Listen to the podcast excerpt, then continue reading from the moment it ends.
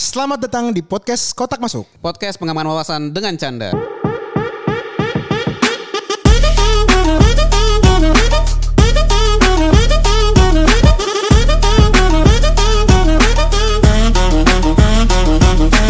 Bola. Halo, gila. Ada yang beda nih, Bang. Beda ya. Kita di mana sih sekarang nih? Kita di mana, Bang? Eh, untuk pendengar podcast Otak Masuk kita agak beda ya sekarang ya. Sekali ini lah ya. Sekali ini. Biar, biar ada suasana baru lah gitu. Ya, Kan kita kebetulan lagi di sebuah pulau. Yoi. Pulau Dewata. Yoi, daerah Canggu, Canggu. Perdana loh ini kita Perdana. podcast di luar kota malahan ya, Bang ya. Yes, perdana dan kesampaian juga ya kita eh, rekaman podcast di luar Fatmawati ya. Betul. Betul ya. Dan eh, thank you untuk Genesis untuk sebagai eh, studio rekaman kita di Bali ini. Setupnya luar biasa sih. Iya, cuman tadi kita di jalan macet nih, Ge. Lumayan sih. Mayat, lumayan ya. Tapi lu lihat gak sepanjang jalan ke sini banyak rumah-rumah yang udah jadi restoran, kafe. Benar, karena kayaknya trennya Bali udah mulai banyak entrepreneur nih, Bang. Yap, dan kalau lu lihat juga rumah-rumah tinggal itu udah beralih fungsi loh. Hmm. Kalau gue lihat ya, Iya. ada yang jadi kafe, ada yang jadi mungkin kayak studio seperti ini juga, Betul. Hmm. ya kan, tempat-tempat working space ya. Mungkin pas saat corona kan laris manis, ya kan? Benar ya, karena banyak digital bisnis yang berkembang kan bang. Jadi kayak podcast misalnya mulai berkembang. Jadi orang-orang mikir, coba kita usahain deh bikin studio gitu kan. Nah, cuma anak-anak mudanya menurut lo ya, punya rumah atau nyewa rumah sebenarnya? Nyambung gitu bang ya?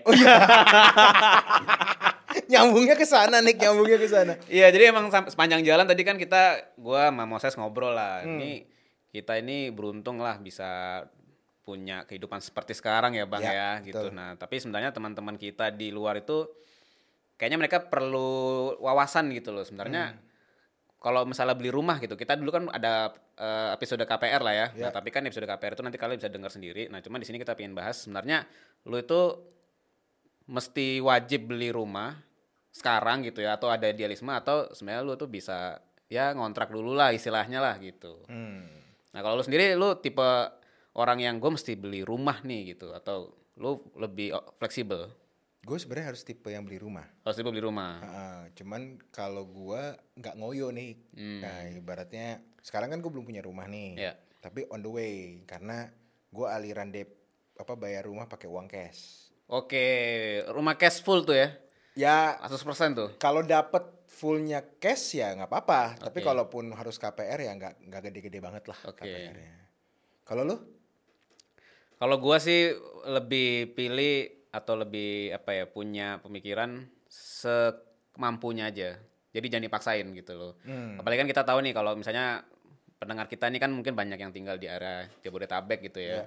Rumah-rumah juga ya udah mulai space-nya 60 sampai 70 meter persegi, harganya udah M gitu kan. 1 Betul. M, 1,2 M gitu. Nah, jadi kalau ngelihat kemampuan juga mungkin kita nggak tahu ya eh, teman-teman itu sebenarnya kemampuannya seperti apa nih mencicilnya. Cuman kalau dipaksain itu agak berbahaya sih. Nah ini menurut data BPS dulu nih nih. Oke. Kita ada background datanya nih. Siap. Saya takut salah. Jadi kalau kata BPS per Maret 2022 50,67 persen rumah tangga provinsi di DKI Jakarta tinggal di rumah sendiri. Hmm. 30,9-nya di rumah kontrakan atau sewa.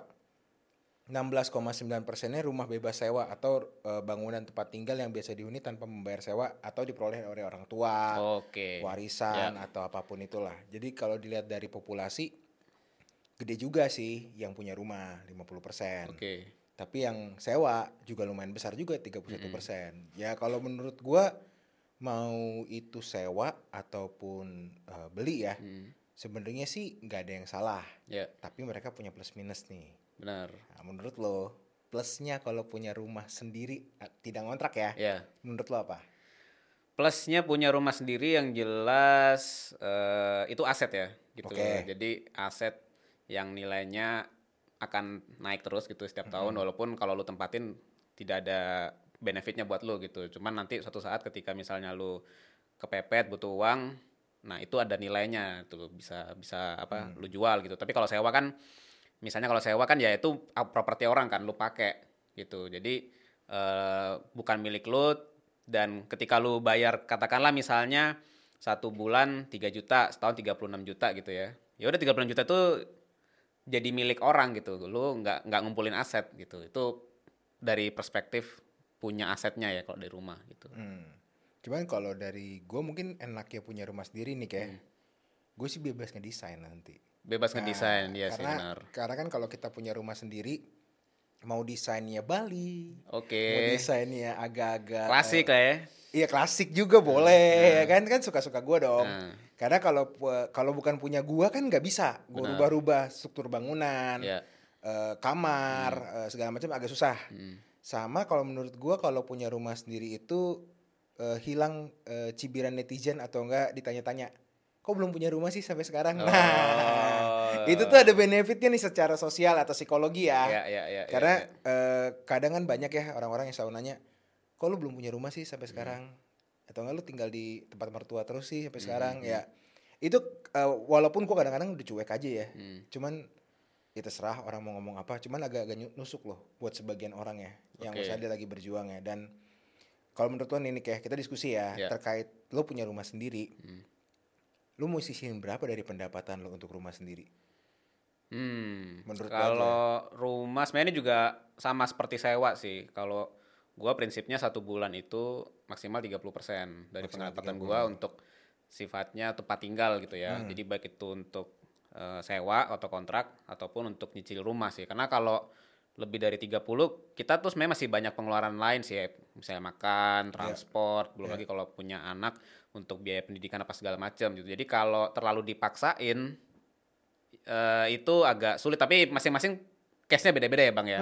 Gua sama lu mungkin beda sama nanti orang-orang di di luar gitu. Tapi kalau bisa 30% kayaknya udah cukup. Makanya gua nggak pengen terlalu memaksakan sih kalau punya rumah. Kan gua sendiri kan sekarang kan modelnya sewa nih istilahnya. Sewa apartemen gitu kan. Karena gua masih ngerasa kalau mau beli rumah itu ya harus jangan sampai menyulitkan keluarga gua gitu untuk Ya. kemampuan bayarnya Ya menariknya gini, gue juga sebenarnya angka gue sih awalnya dulu tuh 20% nih. oke Karena kan dulu kan pendapatan gue belum kayak sekarang lah, pengeluaran gue belum bisa gue atur lah. Mm.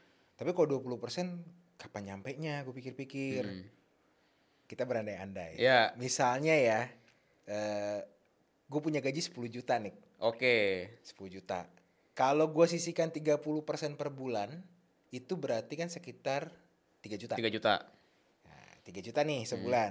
3 juta kalau kita kali 12 berarti 36 juta. 36 juta 36 juta kalau gua kali 10 tahun oke gua menyisihkan ini 360 juta. 360 juta Uang kekumpulnya cuma 360 juta. Mm-mm. Bener kan? benar Kira-kira kalau gua kali 20 tahun berarti kan 720 juta. 720 juta Kira-kira lagi Hmm. dalam 20 tahun gua mengumpulkan uang 720 juta, gua beli rumah di daerah mana?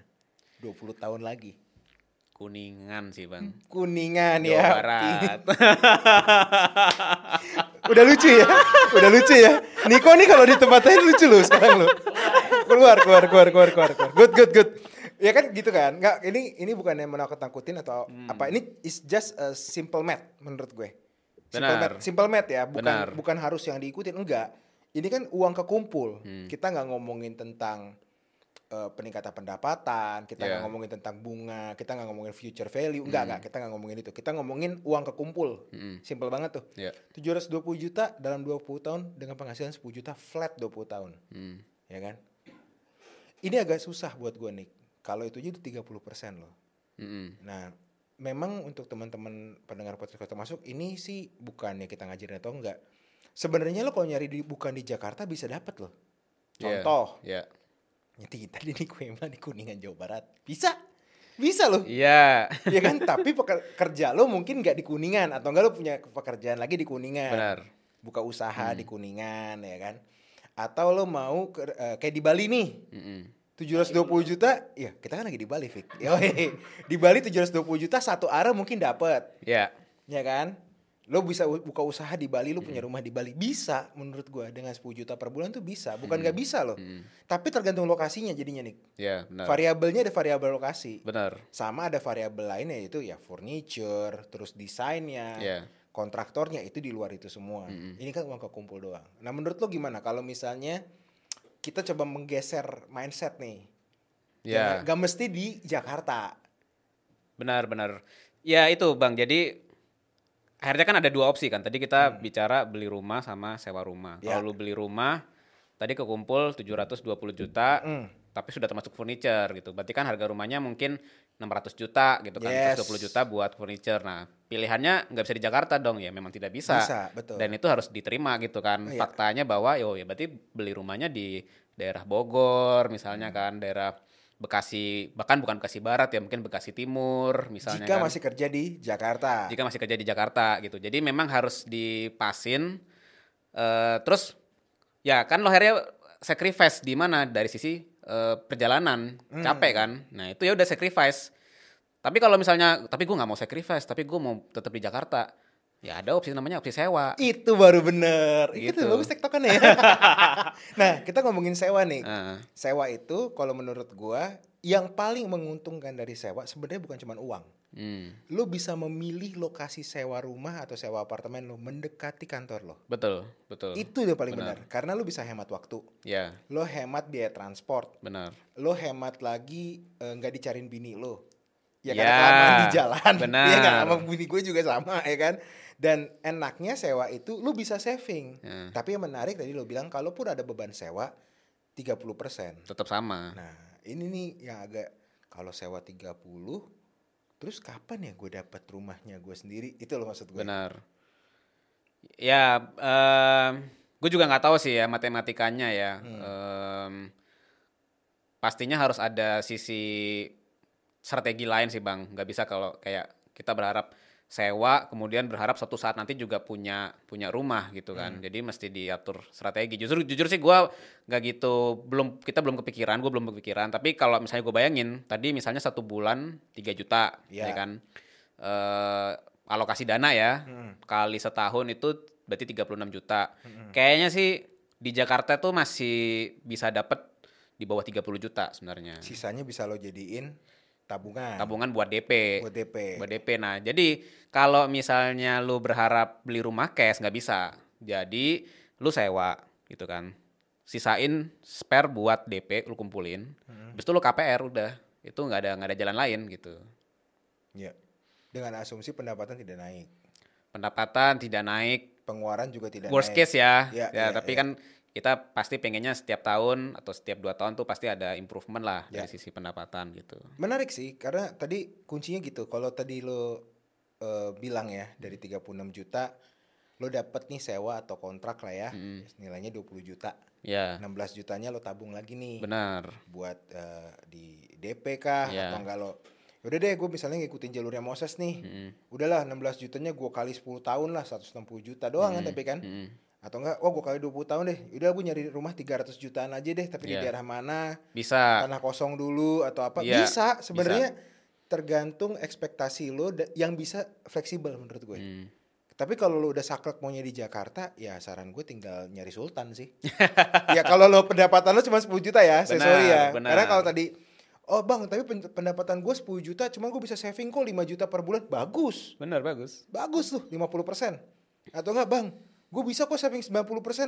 Karena gue masih tinggal sama nyokap bokap. Oh ya nggak apa-apa juga kan. Itu poin paling bagus. Paling Bang. bagus kan. Paling Jadi dia bagus. bisa saving 10 juta sebulan.